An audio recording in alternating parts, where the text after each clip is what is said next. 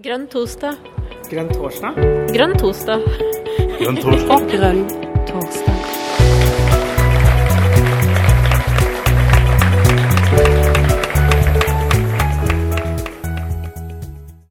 Ja, eh, velkommen til Grønn torsdag. Eh, Her kaster vi oss utpå. Og Karina har eh, hatt bursdag siden sist. og her er, det- det er bra at du er med i dag, Karina. Vi var litt bekymra for deg. Du orka både Grønn torsdag og bursdag to sånn etterpå hverandre. Ja, nei, det, er, det er harde og krevende tider, eh, Jon. Eh, Ikke nok med at man skal feire dager, i tillegg så skal man bruke tiden på hyggelige møter her på Grønn torsdag. Så det er, eh, det er harde tider. Absolutt. Mm. Og så har vi jo en gjest i dag også, da. Det, det gleder jeg meg veldig til. Og Jeg, Eh, Jeg også- hun er det i hjørnet, her, men hun har ikke på seg grønn torsdag-T-skjorta, eh, som hun fikk. nei, det, var, det er dårlig tima av gjesten vår. Um, Ja.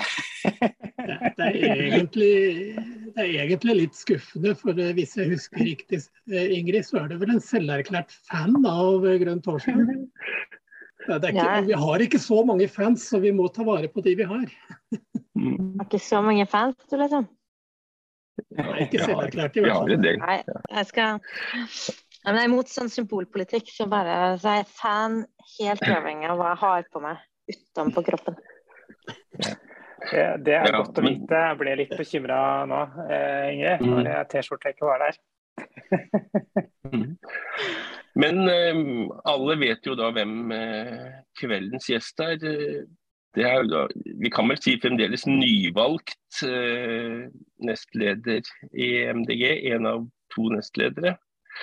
Og du var jo her faktisk i forkant av landsmøtet også, fordi jeg har lyst til å bli nestleder.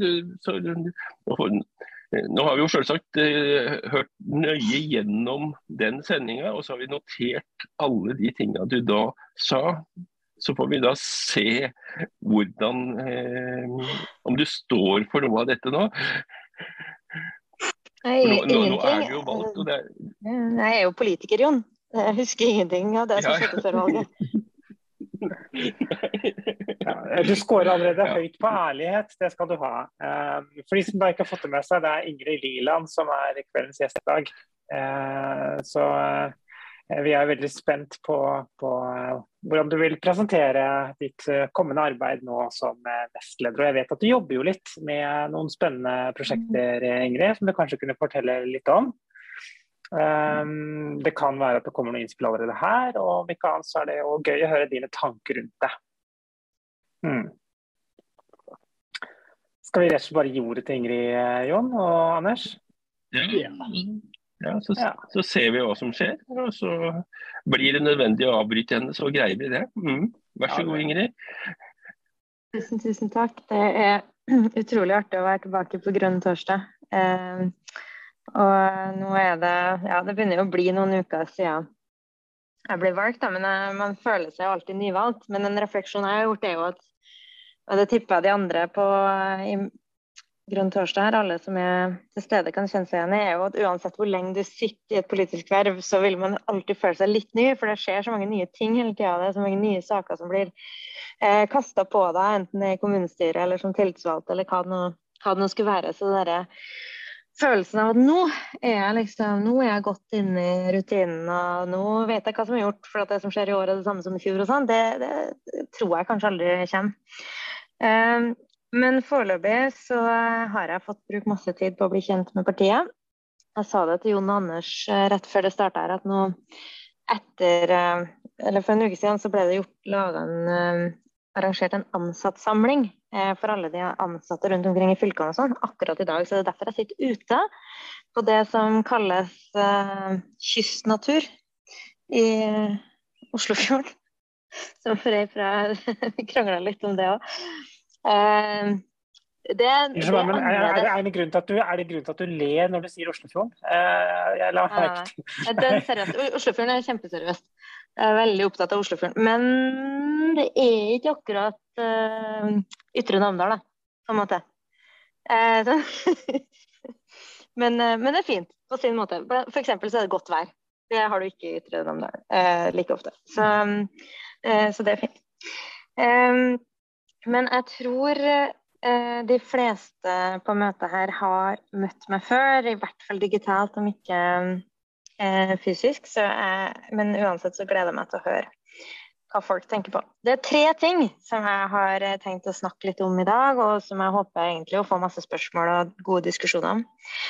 Um, de tre tingene som jeg har tatt fatt på etter landsmøtet, det første er å revitalisere og bygge opp kjennskapen til den grønne ideologien som partiet vårt og politikken vår er fundert på. Det andre er å omsette den langtidsstrategien som vi vedtok på, på landsmøtet, i eh, det politiske arbeidet og det organisatoriske. Eh, og vi skal særlig snakke om politiske målsetninger i, i, dag, men også litt på det organisatoriske. Fordi det tredje temaet, der er det organisatoriske dritviktig også, det er vi må sørge for at vi på utgangen av det året her har lagt det beste grunnlaget noensinne for å gjøre et historisk godt valg i 2023. Så det er de tre tingene som jeg har lyst til å si litt om, eh, og høre hva, hva, dere tenker om de tankene jeg har. Eh, og så kan det jo hende at dere har tenkt på noe helt annet da, som dere har lyst til å spørre meg om.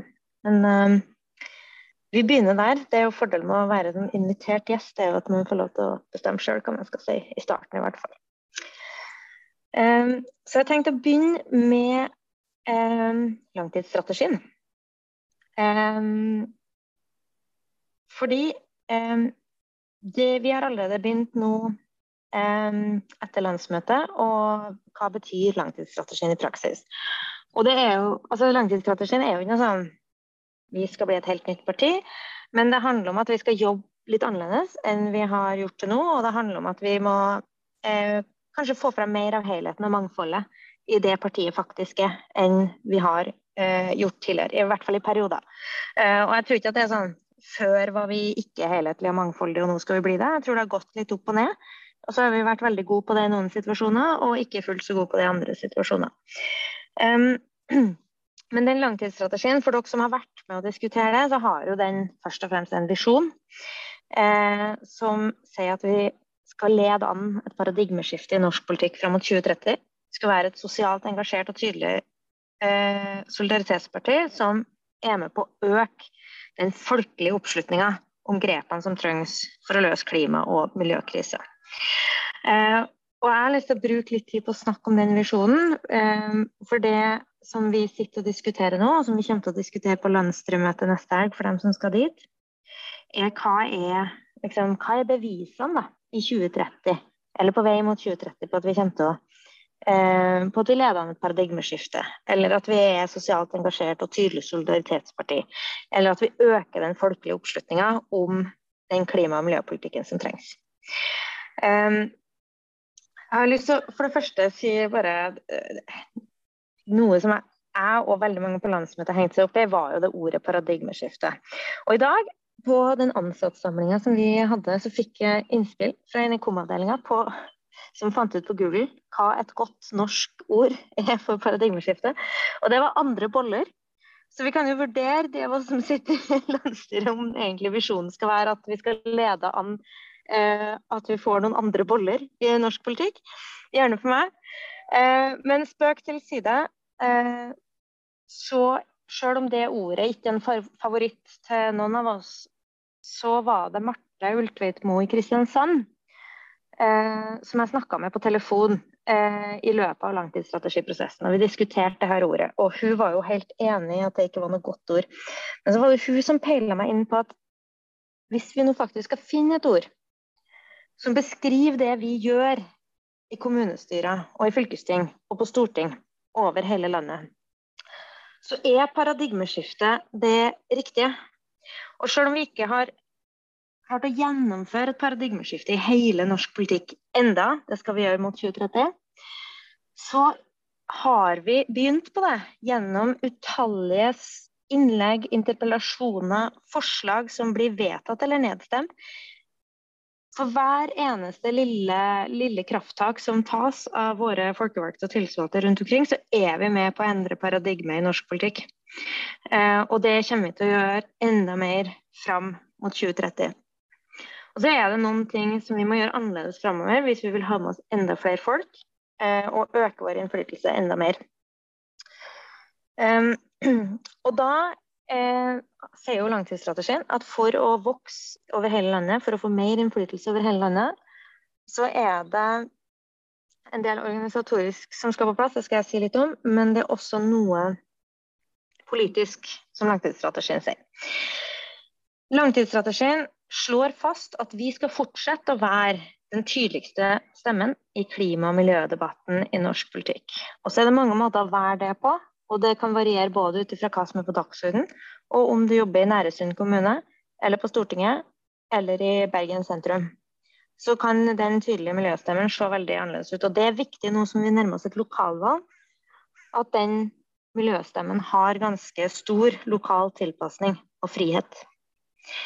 Um, nasjonalt så er det jo sånn at uh, vi har masse partier i opposisjon som nå uh, kommer til å være like, minst like opptatt som oss av å, av å ta tilbake posisjonen de hadde før vi kom inn på Stortinget i 2013, som de dominerende miljøpartiene. Og det vi også ser, er jo at også Høyre og Arbeiderpartiet, eh, kanskje spesielt dem to, Eh, i større og større grad vil, vil smykke seg med, med, klimapolitikk og miljøpolitikk. Og det er veldig bra. Men det gjør også at skillet mellom de som vil konkurrere om eh, lettvinte symboltiltak, og de som eh, i større grad jobber for en helhetlig, gjennomgripende systemendring, som gjør at vi kan fortsette å ha velferd uten at vi ødelegger natur, det skillet vil være veldig viktig å få fram. Um, jeg tror at um, jobben med å fortsette å være den tydeligste miljøstemmen nå kommer til å kreve enda mer av oss. Uh, fordi vi skal fortsette Uh, uten å bare snakke om CO2-utslipp og CO2-regnskap og klimarapporter, så skal vi fortsette å si at det at noe er vanskelig eller komplisert, betyr ikke at samfunnet skal prøve å unngå det. Snarere tvert imot. Det er veldig mange gode samfunnsprosjekt, gode samfunnsutviklinger som har skjedd, fordi at samfunnet i fellesskap har bestemt seg for å gjøre noe som er veldig vanskelig og komplisert. Som f.eks. å bygge ut velferdsstaten. Um, eller for den saks skyld lage en oljepolitikk som har gjort oss til den fantastiske, trygge og rike staten som vi er i dag. Det er en grunn til at de, eh, de uh, Det er en til at oljenæringa kan eh, si da, at de har finansiert hele vår velferdsstat. Det var pga. villa politikk på 70-tallet. Eh, og det var hard jobbing, og den harde jobbinga kommer også i det neste samfunnsprosjektet, som da selvfølgelig må være basert på det paradigmeskiftet vi skal inn i. Og det er jo kanskje nettopp derfor, da, fordi vi skal fortsatt være en tydelig miljøstemme, den tydeligste miljøstemmen i norsk klima- og naturpolitikk, i et landskap som kommer til å endre seg kjempefort, så står det noen andre ting i langtidsstrategien om vår politiske rolle. For vi blir nødt til å vise at den klima- og miljøpolitikken som kreves, henger sammen med et veldig helhetlig grønt verdigrunnlag. Vi må vise at den kommer som en konsekvens av en helhetlig grønn økonomisk analyse av hvordan makt og ressurser forvaltes og fordeles i verden. Eh, vi må vise at det er ikke fordi vi er religiøst opptatt av klimarapporter og tonn med CO2 som gjør at vi snakker mye om klima, eller at vi er religiøst opptatt av eh, myr. Jeg vet ikke helt hvorfor jeg nevner myr, men det har blitt nevnt som eksempel i mange sammenhenger i det siste. Eh, som gjør at vi er opptatt av å bevare den myra. Men det er fordi vi mener at det menneskets vilje og samfunnets vilje til å forurense, slippe ut, bygge ned natur, er et symptom på en samfunnsutvikling som går i feil retning, og som er grunnleggende urettferdig. Ikke pga. den myra, men fordi at det representerer eh, et overforbruk som fører til både klima- og naturkrise, til ulikhet, til urettferdighet, til konflikter og ressursmangel. Og det må ses i sammenheng. Derfor så eh, det, det store bildet for meg er veldig viktig, og det er veldig viktig nå når Sentralstyret har begynt å diskutere hva slags politiske saker det er da vi skal snakke om framover. Eh, fordi når vi snakker om å bredde ut, eller vise vårt sosiale engasjement, eller vårt verdigrunnlag, som langtidsstrategien slår fast, så er det ikke fordi at vi skal smykke oss med noen flere fine saker på utsida. Det er fordi at vi har et grønt verdigrunnlag og en helhetlig analyse av hvordan samfunnet bør utvikle seg, at det er helt naturlig for oss å også snakke om andre ting enn klima, miljø og natur. Og sette det i en sammenheng, en verdimessig sammenheng. Um, så vi er i gang med å nå eh, drodle hva betyr det her av politiske målsetninger. Um, og der kan du si at på en, eh, det ene ytterliggående er kanskje å um, si nei, vi skal, vi skal bare fortsette snakke om klima og olje, men vi skal si det på en hyggelig måte. Det er kanskje det ene ytterpunktet. Mens det andre ytterpunktet er å si nå skal MDG bli det nye skolepartiet, eller det nye helsepartiet. Og på landsmøtet så ble jo det nedstemt, det å peke ut noen sånne nye, svære felt som vi skulle eh, dominere. Eh, og da blir jo eh, den oppfølginga som da skjer, når langtidsstrategien faktisk slår fast at vi skal øke troverdighet på flere saker, så er spørsmålet hvordan gjør vi det. Um, og Der skal jeg snakke litt om grønn ideologi etterpå, som jeg tror er en kjempeviktig brikke i det å bredde ut eh, partiet. Og der er jeg ekstremt glad for at jeg også har fått eh, tilliten til å lede prinsipprogramprosessen. For det, det, tror jeg blir et så viktig arbeid framover som hele partiet skal, eh, skal sette sitt avtrykk på. Eh, men det vi jobber med nå, er jo da ok, hvor, i hvilke andre saker er det MDG kan spille en viktig rolle? Fordi um, det er ikke bare fordi at vi fordi SV er god på skole, så skal vi jo bli gode på skole. Hvis vi skal gå inn i skoledebatten og eie det, så er det fordi at MDG har en kjempeviktig funksjon og kan bidra til å gjøre Norge bedre ved å gå inn i de nye sakene. Eh, og Der er jo et eksempel, det arbeidet som Arild Heimstad, som er den andre nestlederen, har gjort på, på rusfeltet. Der han har eh, snakka med sivilsamfunn, han har snakka med fagfolk. Han har brukt det nettverket, og de eh, bygd en masse allianser og tatt en posisjon som ingen andre partier i Norge tør. Um, og, og det, er, det, er, det samme som vi eh, har gjort spesielt og differensiert oss opp mot venstresidepolitikerne på Nato.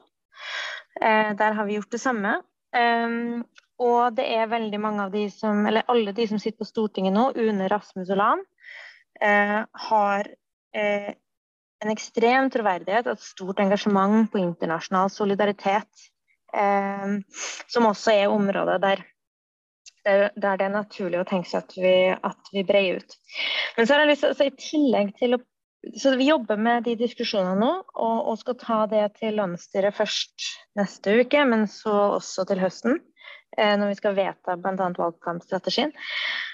Men jeg har lyst til å si at en viktig, kjempeviktig del av det å bredde ut, er å tro at ikke et politisk verdibudskap kan strømlinjeformes. Og jeg tror at vi har vært aller best når våre profiler som har et utall forskjellige erfaringsbakgrunner, vi sitter på veldig forskjellige plasser i verden geografisk. Vi ser forskjellige ut, vi er opptatt av forskjellige ting, og vi ordlegger oss forskjellig. Og det å få ut enda mer av eh, de forskjellene og det mangfoldet som vi faktisk har, det fryder meg når jeg leser på Facebook hos eh, folk, enten det er Karina eh, eller det er Tor Håkon i Bergen, eller det er Arne i Oppdal, eh, eller Tommy i Stjørdal, eller Ørjan i Vardø. Så det fryder meg å se at så mange folk kan uttrykke det grønne prosjektet jeg er en del av, på en måte som eh, passer der man er, og som uttrykker det som de er opptatt av. Jeg tror det var Torkil som nå partisekretær som sa det først, eh, første gangen jeg hørte det. Og det er vi må passe på at vi har 20% valgfag. Og jeg tror at En viktig del av det å bredde ut partiet er å vise at vi er ikke produsert av en slags nasjonal strategi der alle mener det samme og sier det samme med de samme snakkepunktene og den samme ordbruken.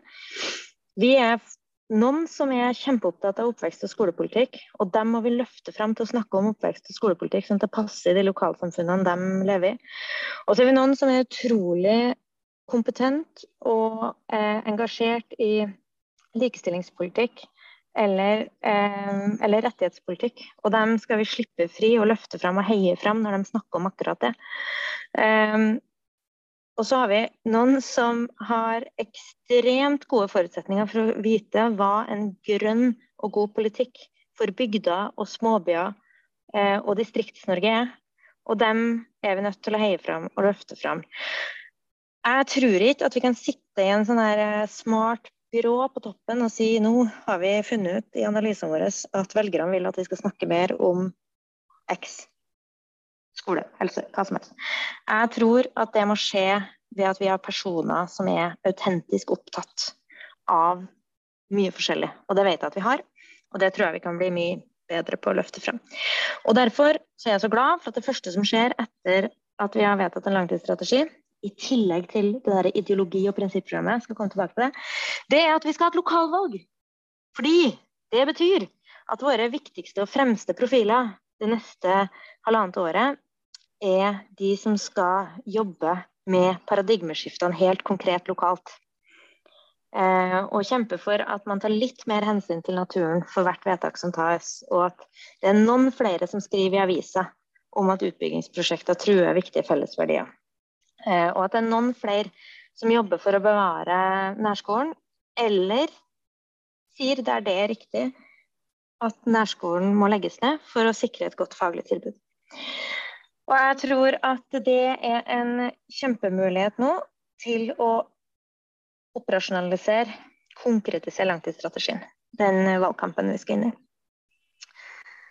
Og da kommer vi inn på det organisatoriske.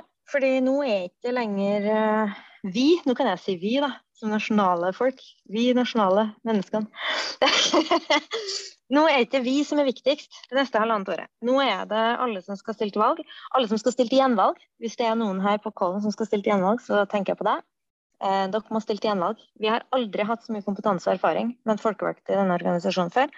Og den er så viktig. Tenk så mye motiverende det er for de nye og ferske som vi skal rekruttere nå i listestillinga, at det sitter noen som har gjort det før. Som har vært med på det som har den erfaringa og kompetansen. Nå skal vi rekruttere en masse nye, men det er så viktig at dere som har sittet her fra før, fortsetter og, og har lyst til det.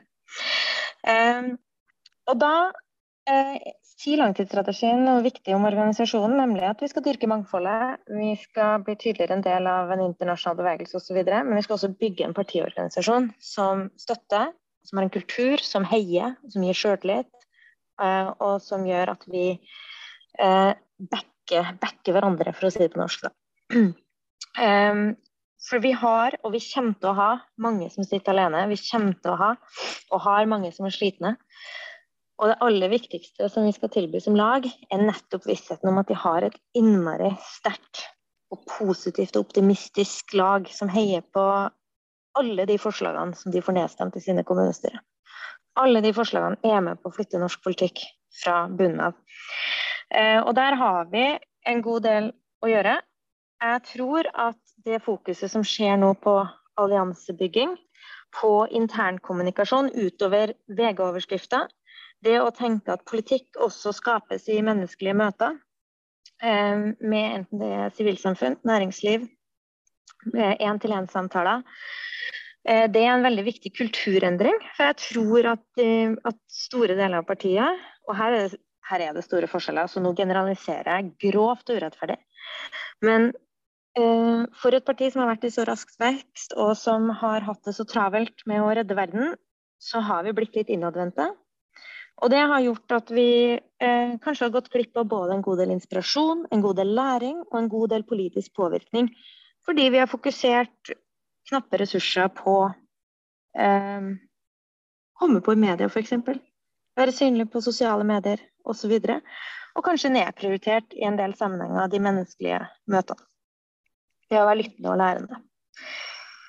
Så på valgkampstrategien som også skal lages for 2023, så tror jeg at vi har lært nå at vi må ha mye større romslighet for uh, framover. For at folk uttrykker seg og organiserer seg på forskjellig vis, og at det må lokalt tilpasses. Det tror jeg vil være en viktig del av den strategien. Og så vil det være ekstremt viktig at vi nå ruster hverandre og heier på hverandre og deler de her gode lokale klima- og miljøsakene. For langtidsstrategien sier jo at vi skal være tydeligst på klima og miljø. Og det er jo så mye lokale klima- og miljøsaker. Det er en miljøsak i hvert eneste nabolag. Og det å hjelpe hverandre å finne de, de gullgruvene, det, det, er vi nødt til å gjøre. Og så tror jeg som sagt på dette valgfaget. Um, Folk vet best sjøl hva folk i deres lokalsamfunn er opptatt av. Og det å finne de miljøene som ingen andre snakker på vegne av, enten det er et teaterlag, eller det er et rusmiljø, eller det er eh, Så skal jeg ta et eksempel fra et helt annet parti, som er Frp, i min hjemkommune, som har virkelig funnet en gjeng med folk som jeg tror ikke akkurat hadde blitt rekruttert til politikken av noen andre, og som Frp har vært kjempegod til å snakke på vegne av. De miljøene der, det er det våre lokalpolitikere som kjenner til, og det skal vi støtte og heie fram at de knytter kontakt med, og er deres ombudspersoner inn i kommunestyret. Og nå har jeg snakka kjempelenge, men jeg har lyst til å si noen ting om grønn ideologi helt til slutt. For det er helt klart og tydelig mitt ansvar nå framover som leder av prinsipprosessen. Jeg kan bare si Grønn ideologi det er en del av langtidsstrategien. Vi har funnet det er viktig for at vi skal vokse videre. Fordi det setter CO2-utslipp i sammenheng med overforbruk, og det setter det i sammenheng med ufrihet hos mennesker, og det setter i sammenheng med eh, fattigdom, enten det er i Afrika eller i Bangladesh eller eh, på Tøyen. Um, det er satt i gang en prinsipprogramprosess nå Eh, og den prosessen i seg sjøl er ikke så viktig. Det er ikke en 170-siders dokument med en masse setninger vi skal fram til i den prosessen. Det er et kort dokument. Vi har fått beskjed om det er maks ti sider, og jeg tror vi skal klare å gjøre det enda kortere. Med noen prinsipper for grønn politikk. Så det vi skal bruke tida på i den prosessen, det er å diskutere oss fram til de gode formuleringene som er den kjernen som vi er enige om. En fjerdedel av MDGs medlemmer meldte seg inn i 2021. En fjerdedel. Det er ganske utrolig. Um, vi har småbrukere. Vi har klimaaktivister. Vi har uh, mer enn klimaaktivister, vi har aktivister på mange andre felt også. Vi har folk som mener at løsninga på strømkrisa er å strekke flere ullgensere. Og vi har folk som mener at løsninga på strømkrisa er å bygge flere vindparker. Vi har eh, folk som tror at vi redder verden med å være 100% selvforsynt. Og andre som tror at det er mye mer effektivt hvis et annet land bare produserer all mat og sender det til oss. Vi har folk som, eh, folk som mener at eh, det er en synd å spise kjøtt i det hele tatt, og andre som mener at et norsk kosthold eh, som skal være bærekraftig, ikke går opp uten kjøtt. Eh, vi i prinsipprogramprosessen har foreløpig sterk tro på at alle dem skal kunne finne sin plass i den grønne ideologien. Det paradigmeskiftet vi skal lede fram, er ikke mulig å lede fram hvis ikke det mangfoldet av mennesker kan finne, sin plass hos oss. Men det er en svær jobb, da. Fordi det er gjort en del arbeid tidligere i MDGs historie, og det er gjort en del arbeid internasjonalt. Men det er ikke nødvendigvis sånn at alle våre medlemmer føler et eierskap til den analysen som ligger bak vår politikk. Det er vårt særpreg, og det er de verdiene som binder sammen alle politikkområdene. Jeg er jo kjent bl.a. for at jeg har sagt i mange sammenhenger jeg vil ha et rarere MDG. Vi må tørre å være litt rarere på noen felt. Jeg tror at det at vi f.eks. ikke er så redd for å snakke om kortere arbeidstid, borgerlønn, mindre materielt forbruk, eh, livskvalitet fremfor BNP-mål for samfunnet. Jeg er til og med så rar at jeg mener hvorfor kan vi ikke si at Finansdepartementet burde het Bærekraftsdepartementet? Er ikke det liksom et signal på hva vi verdsetter i samfunnet? Det er ikke sikkert at jeg vinner alle de enkeltsakene her, og det er ikke poenget. Men jeg tror at det å finne de her sakene og de verdiene som får fram at vi er helhetlige, tenkende og følende mennesker, som vår miljøpolitikk er utleda fra, det er kjempeviktig. Et av de store temaene vil være hvordan ser det økonomiske systemet i en grønn ideologi ut? Hva er en økonomisk politikk for det 21. århundre? Etter et århundre der både høyre- og venstresida eh, ikke har klart å løse alle verdens problemer. For det første så har de bidratt til å skape og styrke store økologiske problemer. Det vet vi alle. Det er en av hovedgrunnene til at den grønne ideologien, grønne bevegelsen og MDG har vokst seg fram. Men det er ikke bare det at de har skapt de økologiske krisene og styrka dem. Um, kapitalismen og sosialismen har heller ikke lyktes i å løse de problemene de påsto at de var lagd for den, eh, på 1900-tallet. Det er ikke sånn at vi er ferdig med ulikhet og utenforskap. At vi har eh, utrydda fattigdom og hungersnød. Eh, akkurat nå går helsa til folk i Vesten feil vei. Det er ikke lenger sånn at folk kan forvente å eh, leve lenger enn sine foreldre. Eh, det er ikke sikkert at det er et mål heller, men man bør jo tenke at det, det er i hvert fall ikke et mål at de skal leve kortere. Det er krig, det har til og med blitt krig i Europa. Eh, og det er ikke en selvfølge at utviklinga i verden går rett vei, noe koronaen viste oss. Jeg tror det var Birgitte som var den forrige lederen i Viken som sa koronaen var et forstørrelsesglass på de skjevhetene og de svakhetene som er i vårt samfunn. Og det er så tydelig. Hele min levetid har vært så stabil og fredelig. Kom koronaen og viste oss veldig tydelig hvor skjør den verdenssituasjonen er. Og det er kjempeviktig å sette ord på, og det er viktig at vi nå jobber frem en helhetlig økonomisk analyse som viser at måten vi fordeler og forvalter ressurser på i verden, har ikke vært bærekraftig til nå. Ikke bare pga. de økologiske krisene, men fordi eh, de er grunnleggende urettferdige. Og det er mulig å endre det. Det er så viktig. Det er mulig å skape eh, hva heter det, eh, samarbeidende, samarbeidende samfunn eh, som ikke har det økende materielle forbruket vi har hatt. Som setter naturens tålegrenser som rammer for denne sandkassa vi kaller økonomien, og som lar det blomstre innenfor det.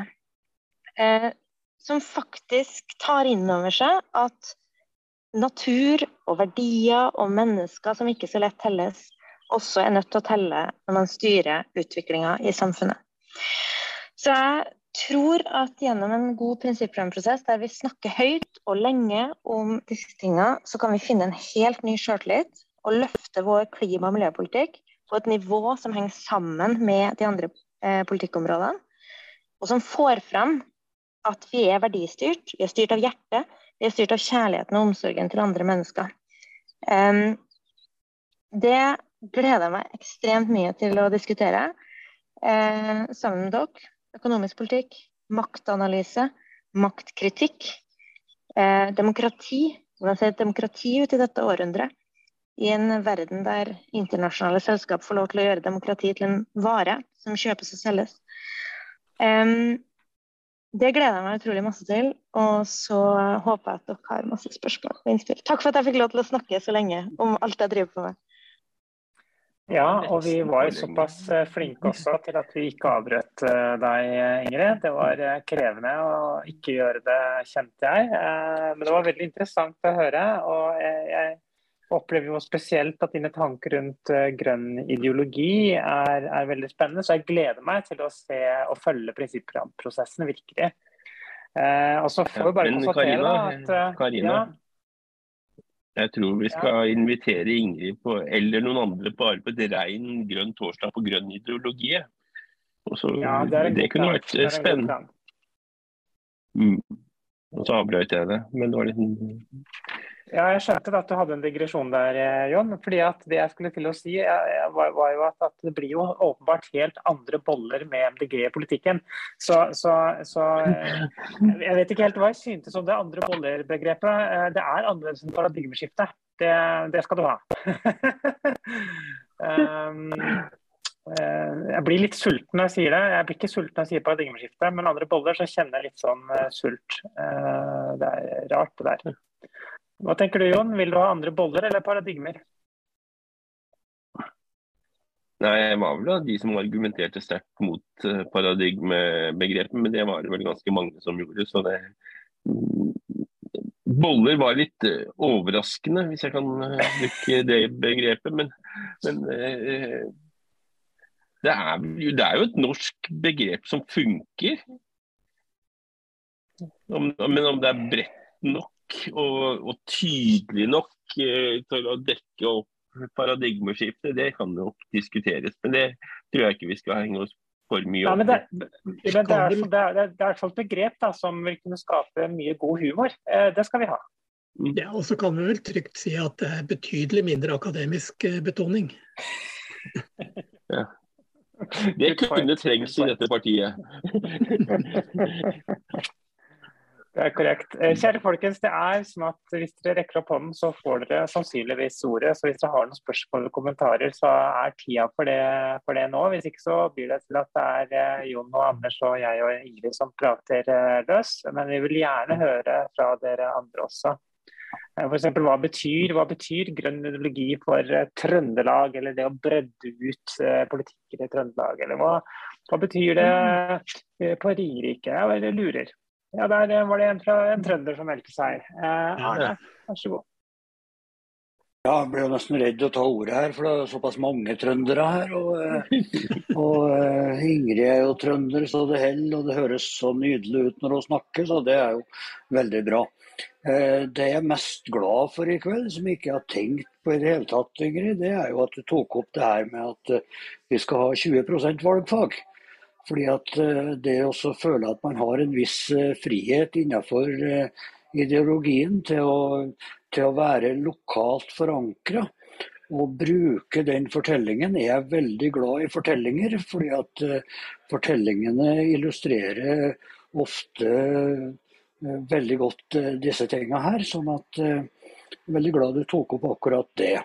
Og så er jeg glad du setter uh, riktig fokus nå inn mot 2023. At uh, vi som har uh, skal være så ærlige som, å si at under stortingsvalgkampen så har mange av oss følt oss litt utafor fordi at vi passa ikke inn i strategien og, og, den pakka der. Så jeg ser med spenning fram til prosessen med prinsipprogrammet. og og har godt håp, og, og særlig på den sida der du sa at vi, vi må faktisk eh, tørre å være litt rare også. For det er vi jo litt humor og ikke så mye eh, gravalvor i alt vi driver med. Det syns jeg absolutt er på sin plass. Jeg tror ikke jeg skal si noe mer nå, takk. Har du noen eh, kommentarer, eh, Ingrid, til Arnes kommentarer? Jeg må sitte og smile og nikke anerkjennende. Smiler og nikker anerkjennende, det, det, er jo for så vidt hyggelig eh, gest til Arne, tenker jeg. Så det setter vel Arne pris på. Eh, så jeg en tommel opp der, Arne? det, det, gjorde jeg. Um, jeg syns jo Arne ja, sa noe interessant. Eh, det med at man da i stortingsvalgkampen følte seg litt utafor. Og det kan vi jo ikke ha i kommunevalgkampen. Da må vi jo alle vi som står rundt omkring må føle oss mer innafor enn eh, ja, en de, en de, andre. Er, eh, så vi ser jo fram til det. og Jeg håper, Arne, du har kanskje ikke bestemt deg ennå, men at du stiller til gjenvalg? Får, du trenger ikke røpe det nå hvis det er hemmelig? Eh, nei, det, det, er, det, er, ikke så veldig hemmelig det, Jon. For jeg, eh, jeg har vel egentlig bestemt meg for det. Men eh, vi får nå se litt hvordan. Vi skal jo ha en nominasjonsprosess på Oppdal òg, så en vet jo aldri hvordan de bikker av gårde. Så vi får se. Men, men, nå sier jeg Ingrid er jo så høflig nå her at hun til og med bruker raise hands-funksjonen. Så det er noe annet enn dere, dere, som driver det her showet, som prater i munnen på hverandre, avbryter og ikke har hemninger på noe vis. Veldig bra, Ingrid.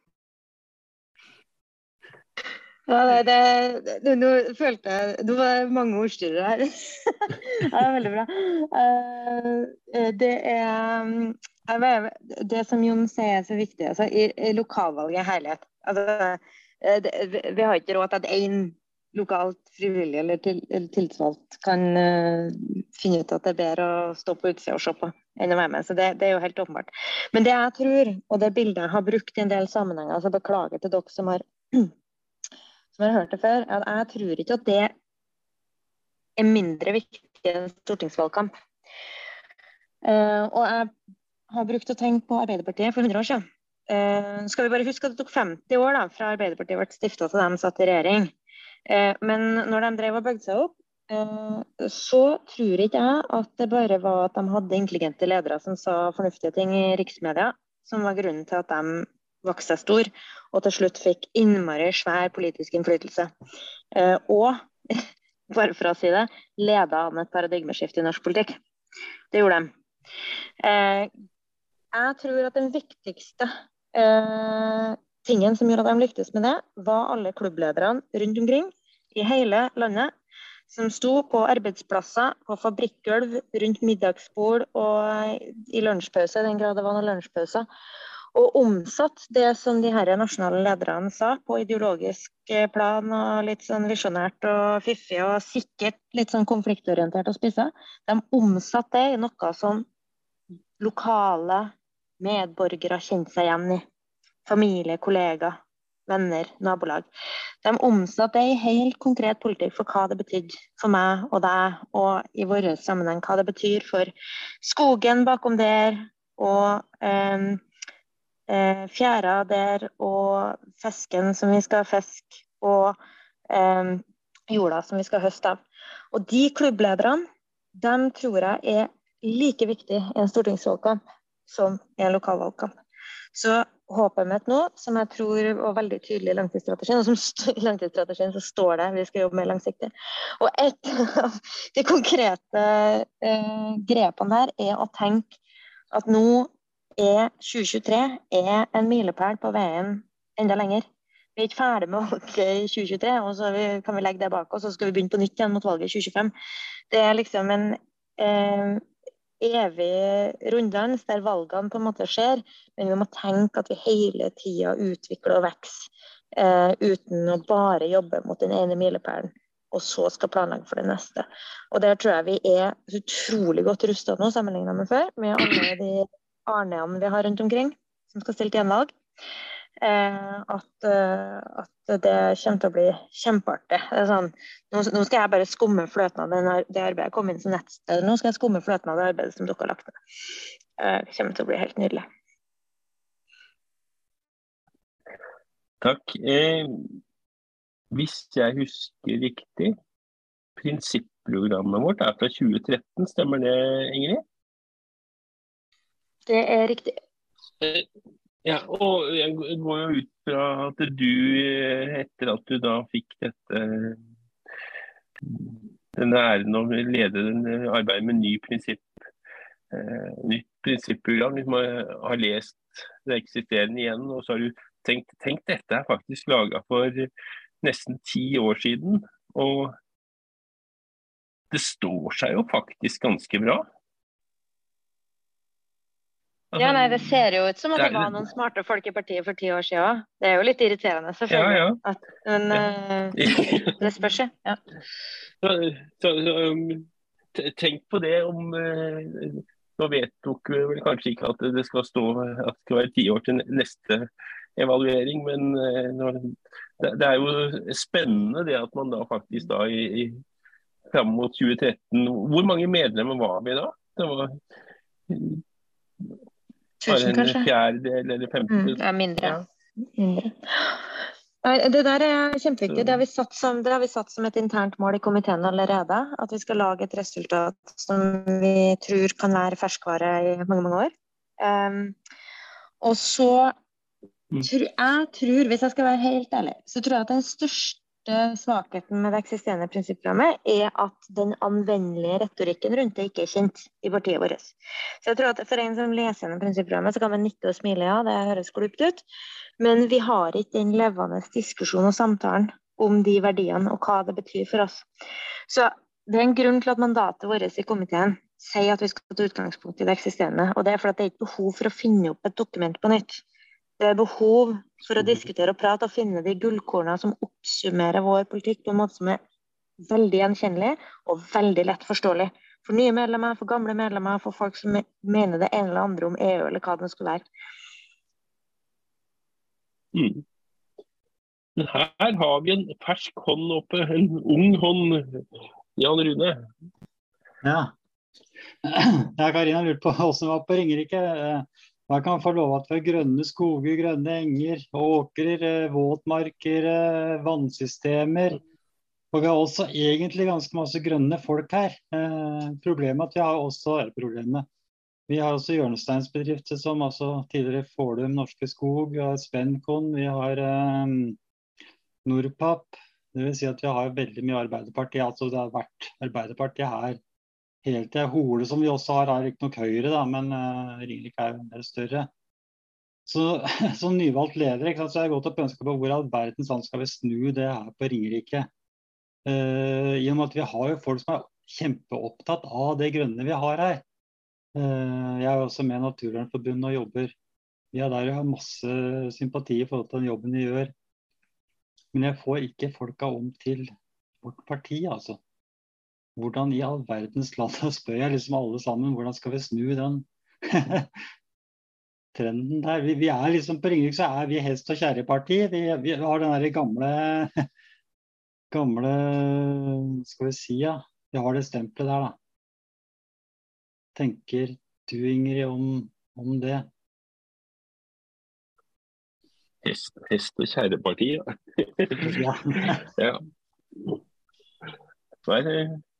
Eller vil du si noe mer? Så nå, nå, eh, fikk, nå er det flere som kom vil komme opp med hånda her, så ja. eh, eh, nå, nå, var Karina først. Vil du si noe mer, Jan Rune? Nei da. Nei, nei. Ja. Ja, nei, vi slipper på Ingrid først. Vi sier Nei, Ingrid, nei, nei, nei, nei. For jeg har en direkte kommentar som Ingrid kan spille videre på. Så, så, så, så vi tar det i den rekkefølgen som, som, folk har tegnet seg. Og, og det, så må jeg bare si det til Arne at jeg har faktisk tegnet meg denne gangen.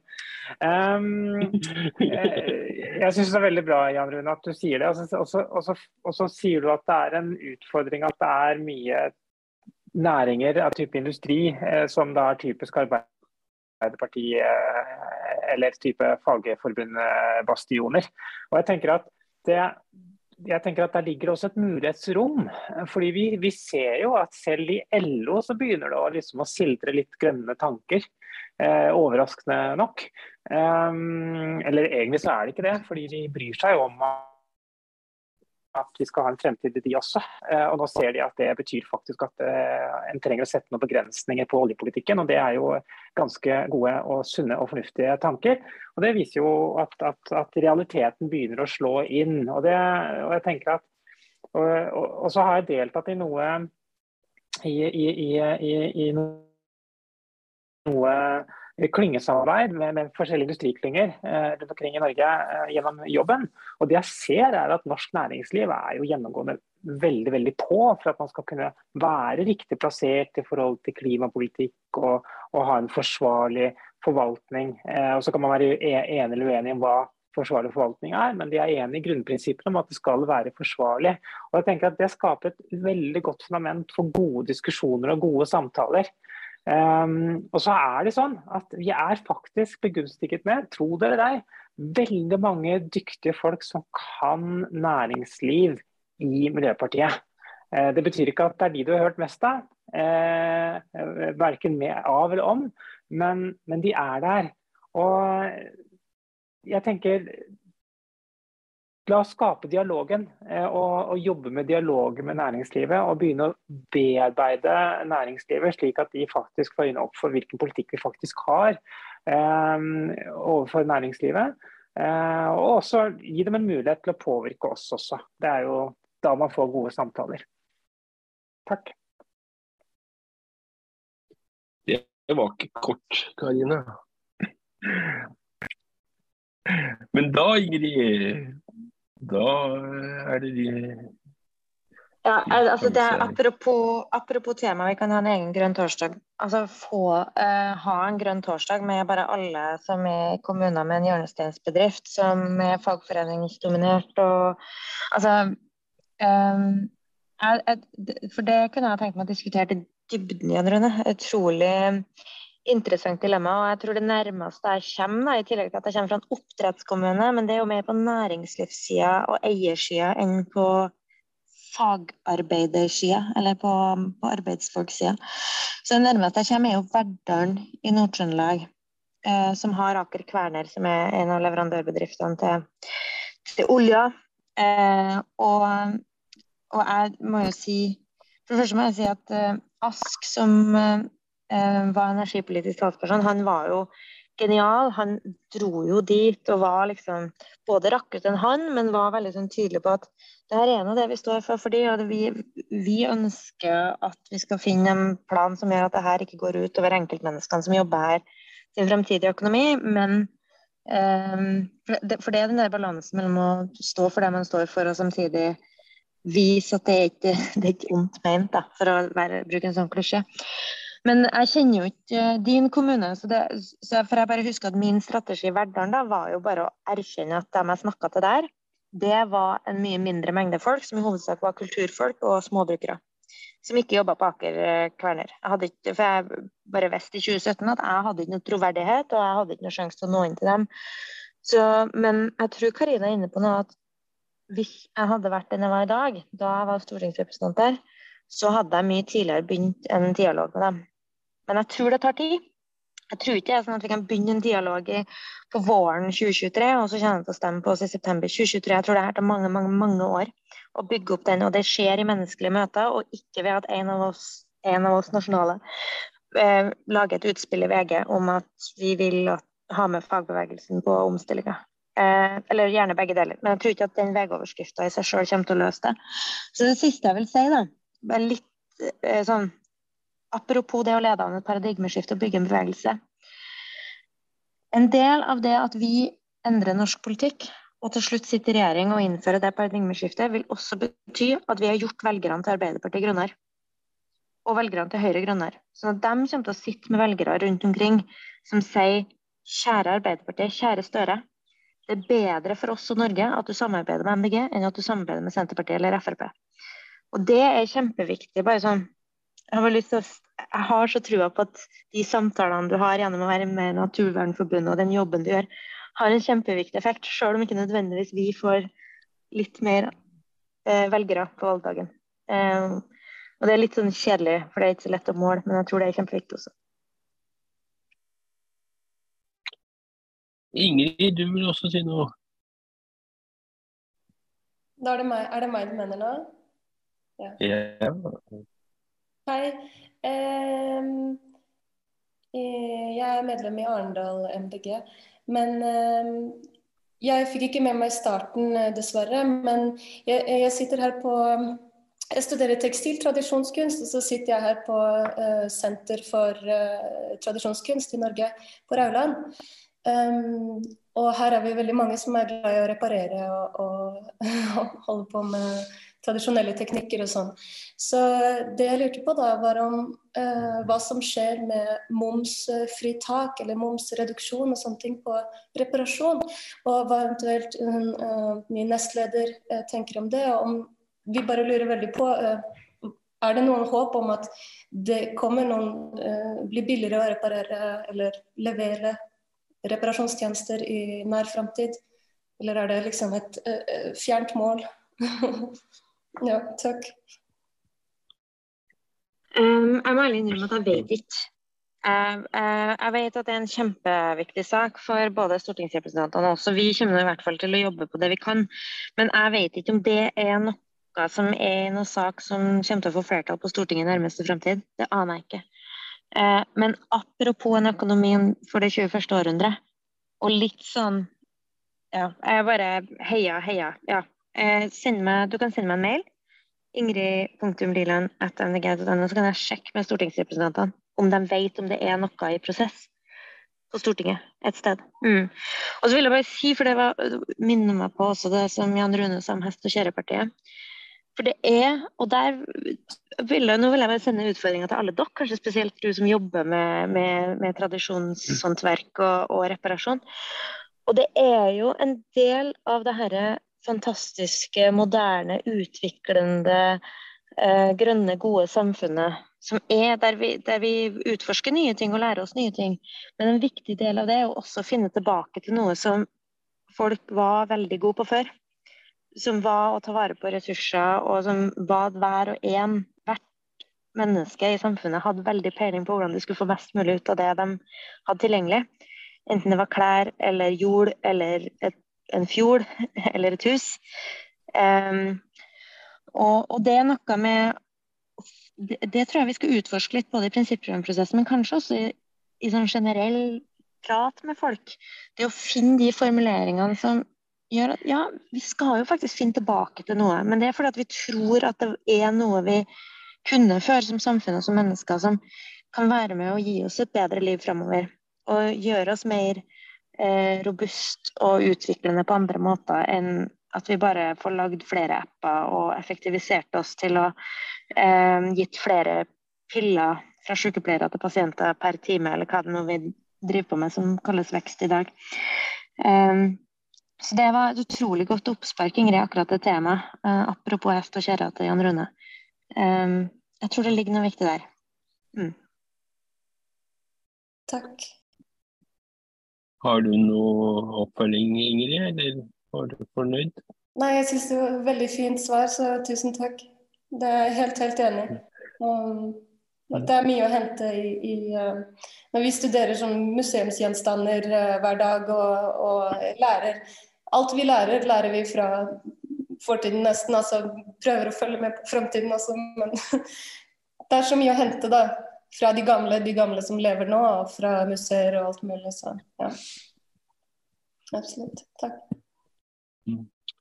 Men Jan Rune, du, eh, fikk, du, dro jo i gang et spørsmål som fikk folk til å ta helt av her. Eh, eh, var du fornøyd med responsen du fikk, eller var det sånn at det var behov for noe utdyping fra noen av disse? Jeg håper at det satt litt griller der.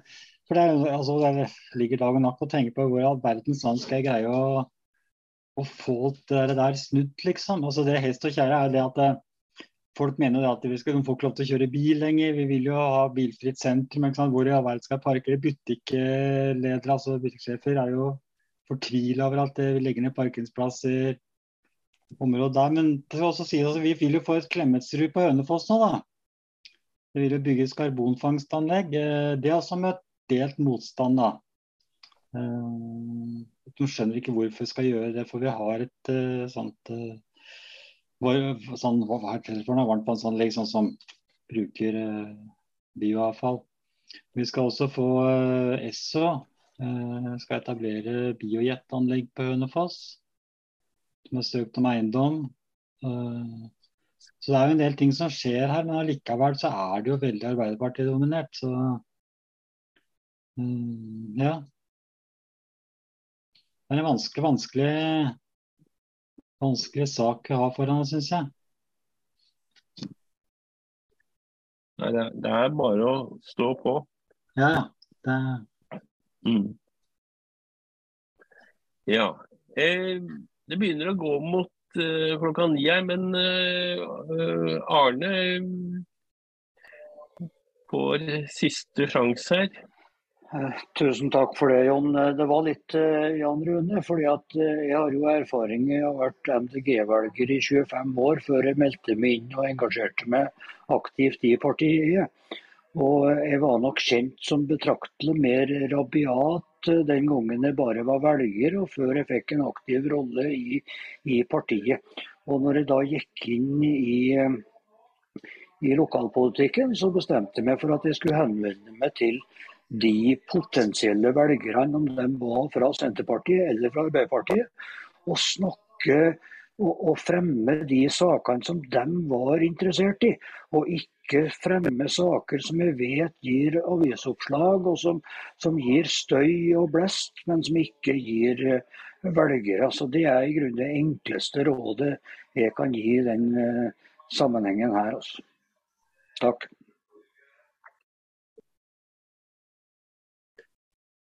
Som bare ikke, ikke selv saker som skal i media, men eh, selv de gode sakene. Mm.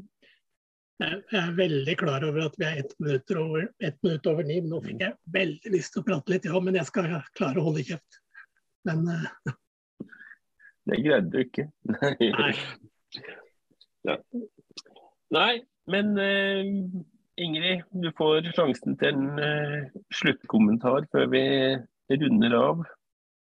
Jeg må bare si sånn apropos langtidsstrategi og alt mulig. Det er én ting som jeg er sikker på bidrar til å oppnå de målene i langtidsstrategien, så er det Grønn torsdag. For den møteplassen her er så inspirerende, og nå har jeg så mye energi. Og jeg blir så glad av å høre på at vi deler frustrasjoner og ideer og ting vi er opptatt av på tvers. Um, det, det, gjør meg utrolig, utrolig motivert for å, for å, jobbe. Så bare tusen takk igjen, sagt det før, Karina Anders og Jon, for at dere holder det, og at dere andre kommer og hører på.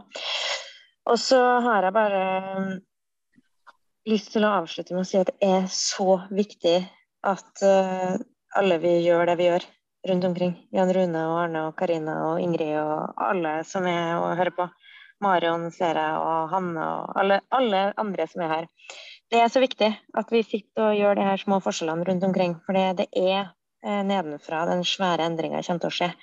Um, enten de stemmer på oss eller ikke. Den endringa kommer til å skje, og den skjer av at vi gjør den jobben vi gjør. Så tusen takk.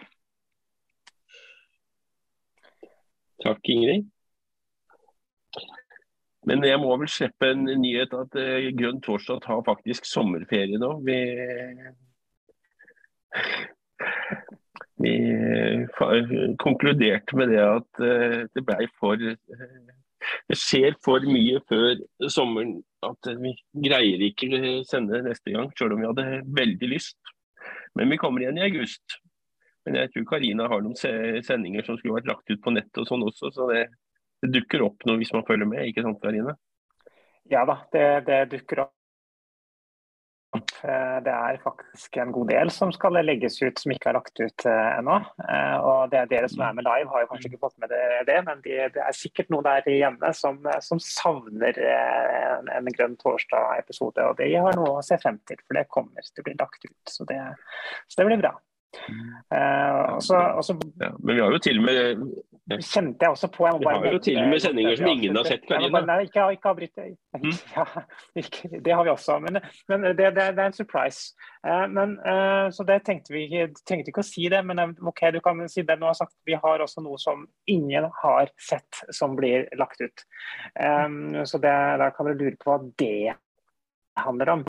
Um, men, men, jeg vil gjerne følge opp det som, som eh, Ingrid Jarndal eh, sa. Fordi, fordi, eh, det med momsfritak på reparasjoner er jo en utrolig viktig sak for, for Miljøpartiet. fordi at det synliggjør veldig, veldig tydelig hva slags type samfunn vi vil ha.